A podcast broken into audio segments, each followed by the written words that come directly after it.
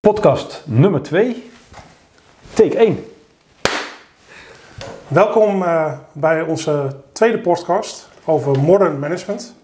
Deze podcast-serie gaat over de rol van uh, management, uh, wat je al meemaakt in de praktijk. En, en we zien daar drie leidende onderwerpen in.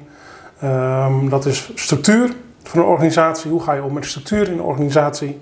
Dat is een heel belangrijk en dominant onderwerp, zeker vandaag de dag natuurlijk met hoe ga je om met scaling, nieuwe organisatiemodellen. dat is een belangrijk onderwerp. Tweede onderwerp wat we zeker ook, ook gaan raken in, in deze podcastserie is, is leiderschap zelf. Dus hoe ziet de rol van de manager eruit? Welk gedrag laat je zien? Welk gedrag laat je niet zien? Um, heel belangrijk. En de derde is hoe verander je nou een organisatie? dus welke verandertechnieken, veranderkundige vraagstukken um, komen voorbij in deze podcastserie. Wat heb je nodig als organisatie? Hoe neem je mensen mee? Wat doe je met weerstand, betrokkenheid? Um, nou, dat zijn allemaal ingrediënten die we de moderne manager uh, uh, gunnen. En nou, bij deze podcast delen we die kennis en onze ervaring daarin. we hebben zelf al veel managementervaring de afgelopen jaren natuurlijk gehad. En de laatste 10, 12 jaren begeleiden we veel managers. Um, we coachen veel managers, adviseren, consultancy, um, geven veel trainingen in, op het gebied van management, verandermanagement en hoe structuren daarin een plek krijgen.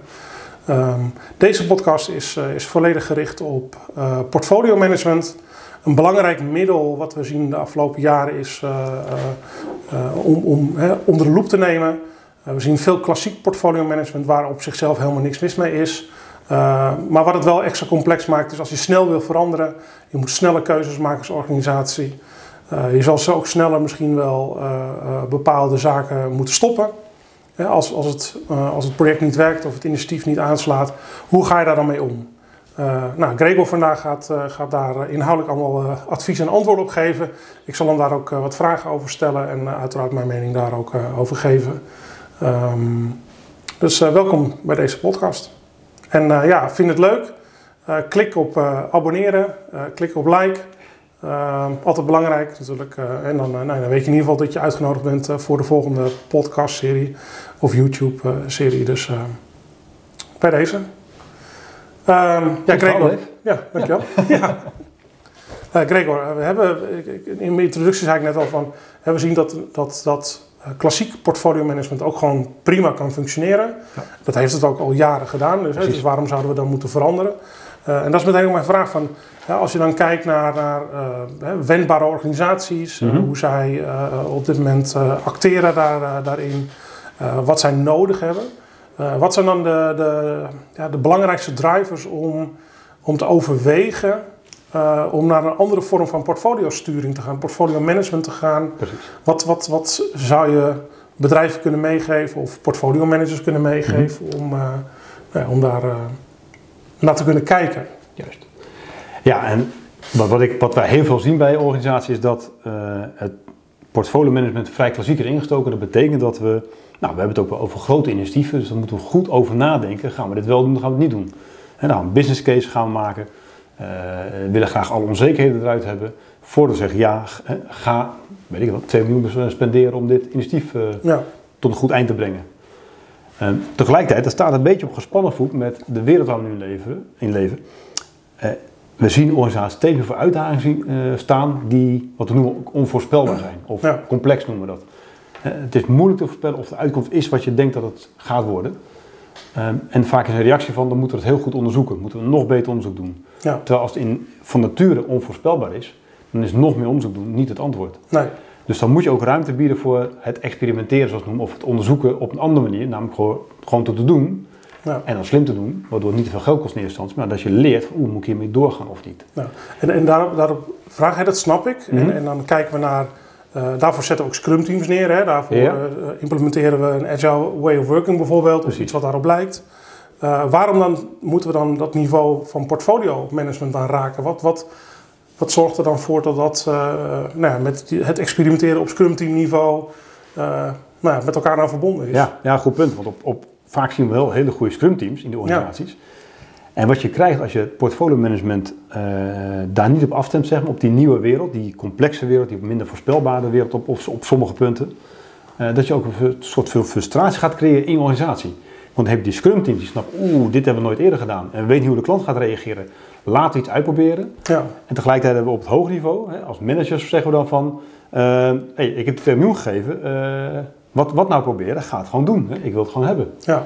En dan krijg je een soort spanningsveld uh, waarin wij zien dat het makkelijker is om nou, portfolio management iets anders aan te pakken. Waar ook de ruimte geeft om dingen nou, te ontdekken, te leren. We noemen dat ook wel eens uh, time to learn in plaats van time to market.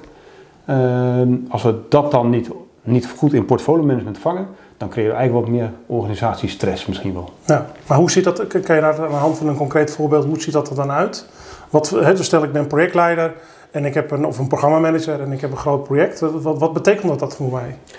Nou, wat, het, wat het in eerste instantie betekent, uh, is dat we voordat we überhaupt iets aan die scrum teams geven, dat we heel lang hebben nagedacht over het initiatief. Ja.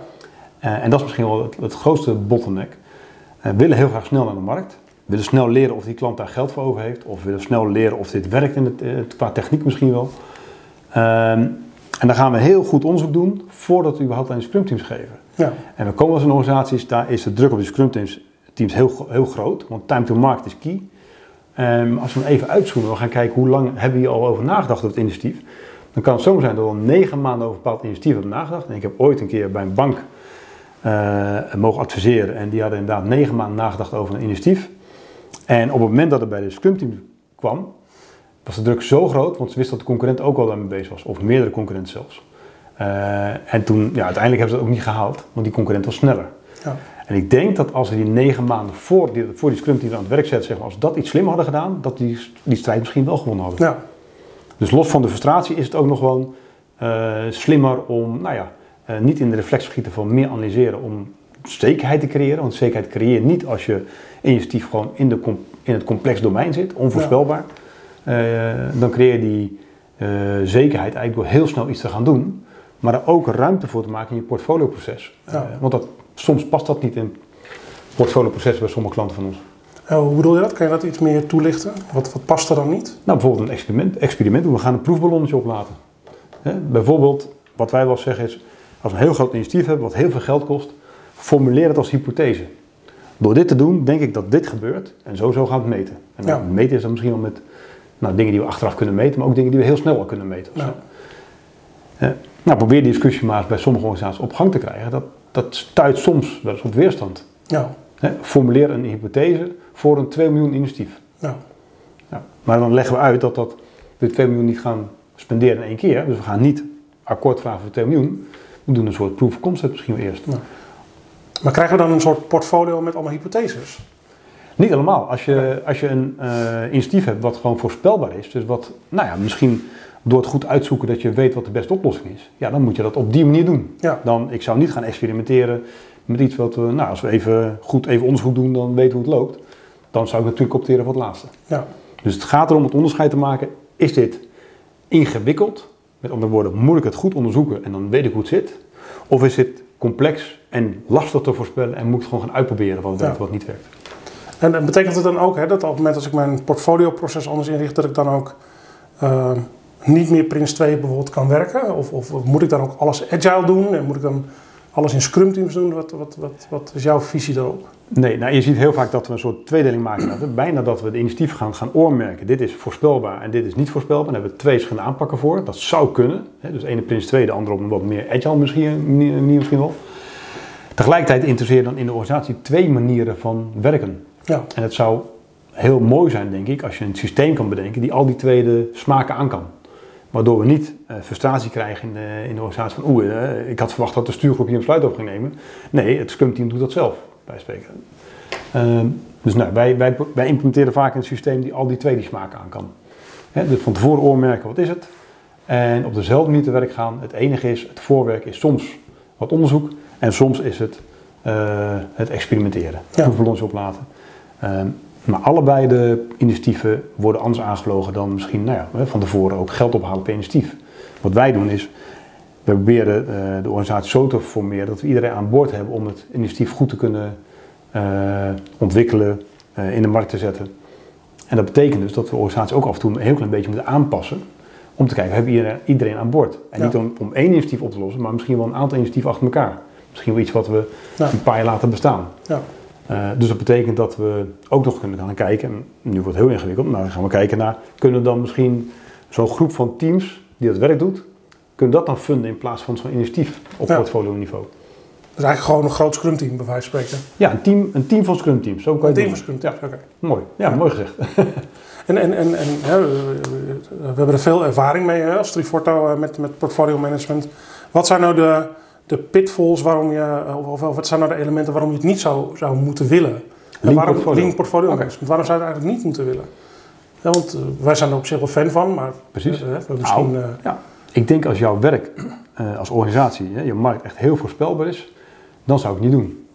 Maar dat zou betekenen dat je hele organisatie ja, toch gaat belasten met een verandering. Hè, want zo'n portfolio niveau daar een verandering invoeren, dat heeft impact ja, op verschillende aspecten van de organisatie. Ehm, dus als je zeker weet dat alles, alle initiatieven die je gaat doen de aankomende tijd eh, zeer voorspelbaar zijn, dan zou ik het gewoon op de oude klassieke manier doen. Daar is dan niks mis mee. nee, Bedenk dan wel, ehm, het kan zo zijn dat je nu hele voorspelbare initiatieven hebt. Maar denk ook even na over, heb je dan over drie jaar ook nog steeds voorspelbare in- initiatieven? ja, Ehm, als het antwoord is nee, over drie jaar heb ik misschien wat minder voorspelbare initiatieven. Dan komt de vraag op tafel en wanneer gaan we dan iets doen aan portfolio management? Omdat, hè, als het moet, daar klaar voor te zijn. oké. Nou, leuk. Ja, Ja. Heeft antwoord op je vraag? Jazeker, ja, dankjewel. Leuk. Ja, thanks. Oké. Hey Gregor, je, we hadden het net al over eh, waarom zou je überhaupt lean portfolio management willen. Hè? En nou, ook wat zijn daar eh, de pitfalls in? Ehm, je, je vertelde net al iets over hè, de aanpassingen in je organisatie. Ja. Ehm, hè, dat, dat, dat is nogal wat. Hè, Dus dan hebben we het over portfolio management, het managen van je portfolio projecten en initiatieven. Nou ja, dat, is gewoon een proces wat we kunnen inregelen bij, bij organisaties. Maar ja, kan je ons iets meer meenemen over de, welke organisatieaanpassingen je dan, eh, dan in gedachten hebt en eh, wat je dan meemaakt? Ja. ja, wat we vaak zien bij organisaties, en ik had laatst had ik een klant, een, een e-commerce afdeling, ehm, die hele gaaf dingen aan het doen was, voor een hele grote opdracht, ambitieuze opdracht stond. Ehm, maar erachter kwam dat ze niet iedereen, wat ik noem, aan boord hadden om die opdracht goed te eh, ja, Ja. vorm te geven. Maar erg afhankelijk van ja, een aantal key elementen uit, andere, uit, uit de organisatie van andere afdelingen. Eh, en ze zeiden ook daarbij dat eh, die andere afdelingen een hele andere agenda hebben en niet zoveel boodschap hadden aan de e-commerce afdeling. Dus ik voelde al een beetje het spanningsveld van oeh, hele grote ambities als e-commerce afdeling. En Ja. Nou ja, afhankelijk van andere afdelingen die daar niet zo'n heel grote boodschap aan hebben. Die, misschien hele andere ideeën hebben of doelen hebben. Ja, Nou, en wij zeggen als we, als we snel naar de markt willen, time to market willen verkorten en time to learn snel willen le- leren. ehm, dan moet je eigenlijk kijken hoe heb je iedereen aan boord, zoals ik het noem. Ehm, en als we heel veel afhankelijkheden hebben, dan zijn dat allemaal wachttijden. ja, En zo komt het wel eens voor, we we meten dat wel eens, dat we eh, een, een initiatief wat op portfolio management binnenkomt, eh, uiteindelijk na een jaar succesvol naar de markt brengen. Eh, maar als we gaan meten hoeveel echt gewerkt is aan zo'n initiatief, dat soms maar twee maanden is. zo. Ja, en dat betekent dus, en sommige mensen, nou ja, oké, maar na een jaar hebben we toch die euro's. Ja, maar we hebben tien maanden die euro's niet verdiend. Nee. En dat is enorm zonde. En we hebben tien maanden niet geleerd van de reactie van de klant misschien. Ja, Eh, nou, en dat komt vaak omdat we niet iedereen aan boord hadden. Ehm, en het klinkt heel efficiënt om dingen op te delen in afdelingen. Dat is het oude, wat we noemen oude Taylorisme, scientific management. Maar dat is toch een bestuursmodel van meer dan 100 jaar geleden. En ja. we merken dat dat nu toch wel gaat schuren. Maar dan, dan, dan moet ik me dan voorstellen dat we iets van nou ja, projectteams gewoon samenstellen. Dus want je zegt, ik wil iedereen aan boord hebben, dus ik ben projectleider. En zeg gewoon, oké, deze competenties en vaardigheden heb ik nodig voor die periode. En dan bouw ik mijn projectteam op. Ja, en zo, zo zijn we het ook eigenlijk gewend om te doen. Maar eh, het zou zonde zijn om dan dat project dan weer op te heffen. En dan weer door te gaan met allemaal resource managers die dan mensen weer gaan eh, plotten op andere projecten. Wat is er zonde aan? Nou ja, we hebben dan misschien wel die, die groep van mensen op elkaar laten inspelen. En dat is misschien wel een beetje een high-performing team geworden. Eh, Of high-performing team van teams. Het zou zonde zijn om dat weer op te heffen. Dus Ja. het zou veel slimmer zijn misschien om te kijken naar je organisatie. Wat zijn nou eh, mijn waardeketens in de organisatie? Hoe stroomt de waarde door mijn organisatie? En dat je ook zo gaat organiseren. Dus niet meer in de harkjes misschien wel, in de, in de silo's. Maar meer in hoe stroomt de organisatie waarde, zeg maar. Ja, En je kan je voorstellen als je een, een nieuw product gaat lanceren, dat je allerlei mensen uit de organisatie nodig hebt. Misschien heb je wel marketingcommunicatie nodig, misschien heb je wel IT'ers nodig, moet de website, de app moet aangepast worden. Customer care, want nou, als er gebeld wordt, dan moeten we weten hoe de telefoon moeten opnemen. Um, als je dat allemaal in silo's zou organiseren, dan heb je projectmanagers nodig die inderdaad al mensen bij elkaar gaan halen. Ja. Um, en dan moet je hopen dat die planning heel goed werkt. Hè? Dus niet dat, dat we een project hebben wat uitloopt en dat volgende project dan zit te wachten op andere mensen of andersom. Dat we eerder klaar zijn dat dan oeh, iedereen denkt oeh, wat nu? We creëren veel meer rust in de organisatie als we zeggen oké, we gaan ons focussen op die waardeketens. Nou, ja. dat, is een op, hè, dat is natuurlijk een, een karwei om het even goed in elkaar te brengen. Wat zijn dan de waardeketens? Vaak kijken we dan naar producten van de organisatie of naar uh, customer journeys bijvoorbeeld. Maar zeggen, nou, bijvoorbeeld als je een bank bent, dan is hypotheek is, is wel iets wat langer blijft bestaan. Dat noemen we een waardeketen. Dat zijn een aantal stappen in een proces. En daar kunnen we ons heel mooi rondom organiseren. Ja. En iedereen die in zo'n waardeketen heeft dan dezelfde opdracht. En niet met de opdracht van het silootje, zeg maar. En wat doe ik dan met de rest van de mensen? Want daar heb ik een waardeketen geïmplementeerd of georganiseerd. Heb ik al die mensen er naartoe gebracht. Nou, leuk. Hè? En dan zeg je tegen iedereen van oké, nou, blijf dan maar voor een, eh, een bepaalde periode zo zitten. Precies. En wat doe ik dan met de rest van de organisatie? Nou, als we, als we het hebben over hoe we zoiets implementeren, dan beginnen we vaak met één waardeketen om te kijken, is dit de juiste manier voor dit bedrijf? We zitten in een, eh, in een complexe omgeving als we zo'n verandering in gaan voeren, dus we moeten ook zelf heel goed kijken van wat, wat willen we bereiken en halen we het ook. Eh, dus dan beginnen we vaak met één waardeketen. Eh, en de rest van het bedrijf blijft gewoon doen wat ze altijd doen. En we doen een soort experiment met één waardeketen. Dus zelfs die mensen in die waardeketen, die behouden nog een oude lijnmanagers en alles, dus we kunnen heel makkelijk terug. Ja, dus virtueel een beetje. Virtueel, precies, ja. Ehm, het zou heel mooi zijn als nou blijkt, hé, hey, dat werkt. Uh, we hebben hypotheken opgericht als bank zijnde, als waardeketen. En eenshandelsprojecten veel sneller. De initiatieven gaan er veel sneller doorheen, want alle agendas zijn voordat zo'n initiatief aankomt al op elkaar afgestemd. We hebben hetzelfde doel, dezelfde KPI's. Niet meer die lokale KPI's op, uh, gebaseerd vaak op efficiëntie, maar echt op het doel. Uh, nou, als we zien dat het werkt goed, dan gaan we nog een tweede waardeketen oprichten. En dan kan naast hypotheek kunnen we de waardeketen sparen misschien oprichten. Nou, als dat ook werkt, dan misschien hebben we dan genoeg geleerd. Dan kunnen we misschien een paar waardeketens gaan oprichten. En kunnen we misschien ook wel iets doen aan het lijnmanagement, wat misschien wel naar alle kanten gaat. Ja, ja. Kun je voorstellen, dit zijn hele grote initiatieven die we dan uh, gaan doen binnen de organisatie. Ja. Dus dat moeten we goed testen of, dat, of dit de way forward is. Maar ik merk wel bij de klanten bij ons die die stap hebben gemaakt, of daarmee aan het experimenteren zijn, uh, los van de meetbare resultaten, uh, is het heel erg merkbaar dat ze zeggen, ja, dit werkt gewoon veel beter. Ondanks en dat is wel bijzonder, ondanks dat het minder efficiënt is dus. Ja, nou mooi. Ja. Nou, dankjewel. Alsjeblieft. Ja. Gregor, we hebben het net gehad over uh, uh, waarom zou je lean portfolio management überhaupt moeten willen? Wat is het voordeel ervan? Wat zijn eventueel de valkuilen? We hebben het ook gehad over uh, organiseren rondom waarden. maar ik kan me voorstellen dat als je zo'n organisatieverandering gaat doen en ook wel echt een nieuwe manier van ja, portfolio-sturing en het management van je portfolio, dat mhm. het ook veel impact heeft op de, op de rollen, hè, dus op de mensen die acteren in, in zo'n omgeving. Welke rollen zie je uh, terugkomen uh, in, in, een, in een lean portfolio management mhm. proces? En, en wat doen die dan? Wat voegen die als waarde toe in, in dat proces? Ja, nice. Uh, allereerst hebben we de, zeg maar even de dagelijkse gang van zaken binnen portfolio management initiatief moeten afgewogen worden. Uh, alhoewel we in, in, in lean portfolio management niet meer uh, initiatief gaan funden, maar we funden eigenlijk waardeketens, dat zou het mooiste zijn. Gaan wel kijken per initiatief van, uh, gaan we dit doen of niet? En dat doen we op basis van, nou het begint misschien met een one-liner, een steekwoord of wat dan ook. Dat gaan we verrijken met die informatie, met wat willen we uiteindelijk bereiken? Hoeveel waarde levert, dat op? hoe lang gaan we erover doen? dus die informatie moet verzameld worden. Eh, dus de indiener van initiatief moet daarbij geholpen worden misschien wel. Eh, dat is zeg maar de dagelijkse gang van zaken van portfolio management. Eh, dan gaan we de, de, zaken wegen. We gaan op basis van economisch raamwerk, zoals zeggen, gaan we kijken welk initiatief het meeste potentie heeft om te doen, of welke het meest urgent is. Ik zeg op basis van economisch raamwerk. Ja, klopt. Kleine vraag. Ja. ja, ik zie ook eigenlijk. Ja. wat ik ook wel eens zie in organisaties, is dat de ordening of, of de prioriteiten binnen portfolio management uh, decibel gestuurd wordt. Dat wil zeggen, de grootste mond komt bovenaan. Ja. Nou, dat is niet altijd de beste methode om een, niet? Uh, oh, een lijst te als je CEO bent van een organisatie, ja, toch? Ja, precies. Ja. Nou, eigenlijk zou je eigenlijk een soort afspraken maken, een soort checklist bijna willen hebben van... Als, als het daaraan voldoet en daaraan voldoet en daaraan voldoet, dan staat hij op die plek, dan staat hij bovenaan. En als dit en dit is, dan staat hij slagen. Ja. Wij kijken dan heel erg naar kunnen we zaken vertalen naar euro's. Dat vinden we heel belangrijk. En het over de waarde, hè, dus hoeveel uh, omzet gaat genereren, denken we, of hoeveel kosten gaat reduceren. Uh, maar je hebt ook over minder tastbare dingen, zoals klanttevredenheid bijvoorbeeld. Ja. Uh, maar dat zouden we misschien ook wel kunnen omzetten in euro's. Hè? Ja. Wat, wat zou dat ons waard zijn, 1% klanttevredenheid? Of een, een halve, half procent net promote score erbij of zo. Ehm, dus daar gaan we kijken. We gaan kijken naar time criticality. dus hoe urgent is het? Dus wat is de waarde van tijd op de waarde, wat was de invloed van tijd moet ik zeggen, op de waarde van het initiatief? Ik zeg al, als we kerstkaarten verkopen en we doen een marketingactie in februari, dan heeft dat waarschijnlijk minder waarde dan een marketingactie in november. Ja. Dus dan heeft tijd invloed op de waarde. Dat is uh, iets wat vaak vergeten wordt, vind ik. Heel belangrijk. En we gaan kijken, uh, gaat het risico's mitigeren, gaat het kansen creëren voor ons.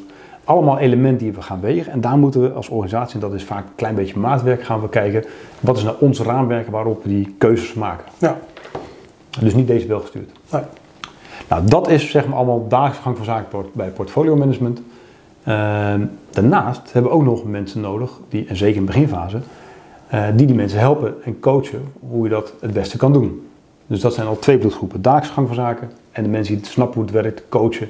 En misschien ook een heel klein beetje de administratieve lasten uit handen nemen, dat ze ook nog kunnen. En daarnaast zijn er nog één bloedgroep, dat is de laatste bloedgroep. Uh, dat zijn mensen die uh, minder frequent bij elkaar komen, maar voornamelijk kijken naar de strategie. En de funding van de waardeketen bijvoorbeeld. Uh, en die drie bloedgroepen komen ook af en toe bij elkaar. En hoe dat precies loopt, dat is bij elke organisatie anders. Uh, soms zien we dat de, dat de hele groep, zeg maar, van al die drie bloedgroepen, één keer per maand bij elkaar komt. en soms minder frequent. dat is een beetje maatwerk. Maar dit is een beetje grofweg de rol die je ziet. Dagelijks gang van zaken, het wegen van initiatieven, het helpen van portfolio management en het keuze maken op strategisch niveau, ja. zeg maar. Kan je, kan je het iets concreter maken aan de hand van een voorbeeld? Van, van, bij, bij welke klant, en niet zozeer bij welke klant, maar mhm. bij, kan je bij een, een klant eh, zeggen van oké, we hebben het met deze rollen hebben die drie bloedgroepen ingevuld? Ja, precies. Wat we bijvoorbeeld hadden is bij één klant, uh, logistieke klant was dat, die uh, had senior management eigenlijk aangesteld als uh, portfolio managers ook, of een deel van het senior management. En dat zijn dan projectleiders, zijn sorry, directeuren? Of, of Ja, dat is eigenlijk net, net onder de directeuren. Oké. Ja. ja. Uh, dus dan heb je gelijk de tweede bloedgroep te pakken. Dus wat waren nou de mensen die op strategisch niveau meedachten, af en toe, die kwamen er af en toe bij, zeg maar, om zo te zeggen. Dat waren een aantal directeuren, die werden daarvoor aangewezen. en we hadden twee managers, die waren eigenlijk de coach van dat gerenium, zeg maar. Ja. Zo hadden ingedeeld, ja. Oké. dus de eigen afdeling sorry, de, de, de, het management, senior management is van A, de goede initiatieven bedenken. Uh, maar ook een deel van het senior management is voor het ranken van die initiatieven. Welke doen we wel, welke doen we niet. En als ze wel doen, waar op de lijst komen ze. Uh, en af en toe aangevuld met directeur om te kijken, is dit nog in lijn met de strategie? en moeten we misschien wel onze, nou, dit bedrijf had meerdere uh, wat noemen we waardeketens, dus meerdere businessmodellen. En moeten misschien wat keuzes maken qua funding voor die businessmodellen. Ja. Maar ik hoor je het niet de, de, naam portfolio manager noemen. Is, is dat bewust? Is. Nee, we, we, ja, zo noemen we dat niet. We noemen dat het Gerenium Lean Portfolio Management. Ja. Dat is dan het Gerenium. maar of je, nou, wat we wel zien is bij andere klanten, is dat gewoon de Lean, de portfolio manager, daar wel degelijk een rol in speelt. Ja. Het zou een beetje raar zijn om die beste man of vrouw aan de kant te schuiven en zeggen, joh, we gaan het helemaal anders doen. Vaak is, is in de kern wat men doet heel goed. Alleen zijn we door de tijd genoodzaakt om dingen te veranderen. Dat wil niet zeggen dat we al die mensen aan de kant moeten schuiven. Nee. nee. Als wij het implementeren, hebben we iets andere betiteling misschien voor die rollen. Maar dat, ja, ik, ik, ik hecht er niet heel veel waarde aan hoe je het noemt, zeg maar. Nee, nee. dat klopt. Nee. Oké, okay. nee. nou dankjewel. Ja, nou, dankjewel ook. Gregor, we hebben het afgelopen half uur uh, ongeveer hebben we het gehad over hè, waarom zou je überhaupt lean portfolio management moeten willen. Uh, wat zijn de leidende learnings, de, de pitfalls. We hebben het gehad over het organiseren in waarde hè, of rondom mm waarde. de term value streams is nu voorbij gekomen. Hè, dus alle mensen bij elkaar zetten die je nodig hebt. Ehm, we hebben het gehad over de rollen. Ja. Dus wat zijn nou de bloedgroepen, verschillende bloedgroepen die we tegenkomen in het hè, lean portfolio management. Ja. De rol eh, van de directie, senior management, maar ook de rol van de portfolio manager zelf. Um, ja, ik kan me voorstellen dat als je hiermee aan de slag wilt, dat dat niet iets is wat je op maandagochtend om 8 uur hè, start en zegt van oké, okay, nee jongens, hè, we gaan opnieuw beginnen. Um, dit is best wel een reis uh, die, je, die je doormaakt. Hè. Organisatieverandering, rollenverandering, nou ja, iets, misschien wel iets met financiering. En, en ja, de tent moet wel gewoon doordraaien. Precies. Ehm, kan je ons eens meenemen in hoe pak je dit nou aan? Wat, wat, is, wat is jouw ervaring in, in hoe, we, hoe we dit het beste kunnen, kunnen opstarten en implementeren? Ja, ja Dave, uh, dat klopt weer zegt, we gaan het niet in een weekend doen. Dat doen we niet. Ehm, dit heeft heel veel impact. Zeker als je zegt, nou ja, wat we eerder zeiden, we gaan kijken of we om de klus te klaren iedereen hebben uh, aan boord die we nodig hebben hè, voor langere tijd. En dat zou dus kunnen betekenen dat je de organisatie iets gaat aanpassen. Ja. Ehm, en dan willen we ook weten of we, ah, of we het goed hebben. Ehm, met andere woorden, wat wij doen is ook onvoorspelbaar. Hè. We doen lean portfolio management omdat initiatieven onvoorspelbaar kunnen zijn. Onvoorspelbaar dan misschien 10, 20 jaar geleden. Maar ook het invoeren van lean portfolio management is redelijk onvoorspelbaar. Omdat je te maken hebt met mensen, de interactie van mensen. Uh, dus we moeten kijken of we het aan de goede, een goede eind hebben door ook experimenten te doen. Of een, uh, een, een opzet te creëren die we snel kunnen terugdraaien. Dus daar kijken we heel erg naar. En zeker als je dus de organisatie iets gaat aanpassen, dan kijken we naar een nou, waardeketen misschien opzetten. Maar binnen wil heel goed uh, lean portfolio management doen om uiteindelijk te kunnen leren hoe doen we dat voor de hele organisatie. Ja. Zo beginnen we vaak. Um, en dan hebben we het ook nog op een manier gedaan dat we heel snel kunnen terugdraaien. Dus bijvoorbeeld zo'n waardeketen organiseren. Stel je voor, je gaat van een organisatie vragen, nou ja, iedereen die bezig is met, dit, met deze soort initiatieven, bijvoorbeeld ik ben een bank en ja. die leningen bijvoorbeeld of hypotheken, iedereen die bezig is met hypotheken, vop, in één hok. Uh, dan kan het zijn dat je dus uh, behoorlijk wat impact maakt in de organisatie uh, als je al die lijnmanagers ook losknipt, zeg maar, al die lijntjes. Ja. Dus doen, dat doen we dus niet. Dus we houden, iedereen houdt zijn eigen lijnmanager, ook al worden je misschien even gevraagd om in één kamer te gaan zitten voor het aankomende jaar. Ja. Maar als we dan merken dat het heel goed gaat, dan gaan we dan misschien wel wat aan doen. Maar misschien doen we het niet meteen, maar doen we pas naar de tweede stream opstarten, waardeketen. Als we merken dit gaat ook goed, het gevoel hebben dat we genoeg geleerd hebben, dan pas stappen we door. Maar je hoort al in mijn verhaal, dat is dus iets van een aantal stappen. We hebben, er echt een heel draaiboek voor. Dat zijn behoorlijk wat stappen. Waarop we op elk moment kunnen kijken, gaat het nog goed? Dan gaan we door of moet terug naar de tekentafel. Ja. Oké. Okay. Ja. Nou, dankjewel. Ja, alsjeblieft. Ja. nou, we hebben jullie uh, uh, ja, dit half uur ruim hebben jullie meegenomen in, uh, in Lean Portfolio Management. Hoe wij ernaar kijken, wat onze ervaring is, nou ja, wat we geleerd hebben. we doen dit bij veel van onze, onze klanten en adviseren ook andere organisaties om, nou om gebruik te maken van, van, van de kennis van Triforto. Om in ieder geval hiermee op te starten. Doen we bij voorkeur altijd samen met organisaties. Wat we veel doen is een stukje advies, maar ook de organisatie meteen trainen in deze nieuwe vorm van uh, lean portfolio management. Uh, zodat je als nou, participant in dit, dit model ook meteen alle ins en outs weet. In ieder geval de theoretische basis hebt en nou, dan spreek je dezelfde taal. En dan zie je ook dat de kennisoverdracht van, van ons als consultants naar de organisatie ook, ook sneller gaat. Nou, mocht je nou geïnteresseerd zijn in, in zo'n dergelijke training of in het adviestraject, neem dan nee, gerust met ons contact op of laat een berichtje achter op onze, onze website. Um, ja, dit was deel 2 van, uh, uh, van de podcastserie Modern Management. Uh, dit ging iets meer over portfolio management en iets minder over modern management. De rol van manager komt wel degelijk terug. De volgende keer, uh, volgende onderwerpen zal, zal de rol van manager nog dominanter aanwezig zijn. Mocht je nou zelf onderwerpen willen inbrengen, um, ja, laat het in de comments achter. Uh, via YouTube of, of, andere kanalen. stuur ons een berichtje, bel ons. geen probleem. En nou, vooral hè, als je ons wilt blijven volgen, klik op like of op abonneren. En dan zien we jullie de volgende keer weer terug. Tot de volgende keer. Dankjewel Gregor. Dankjewel Dave. Ja.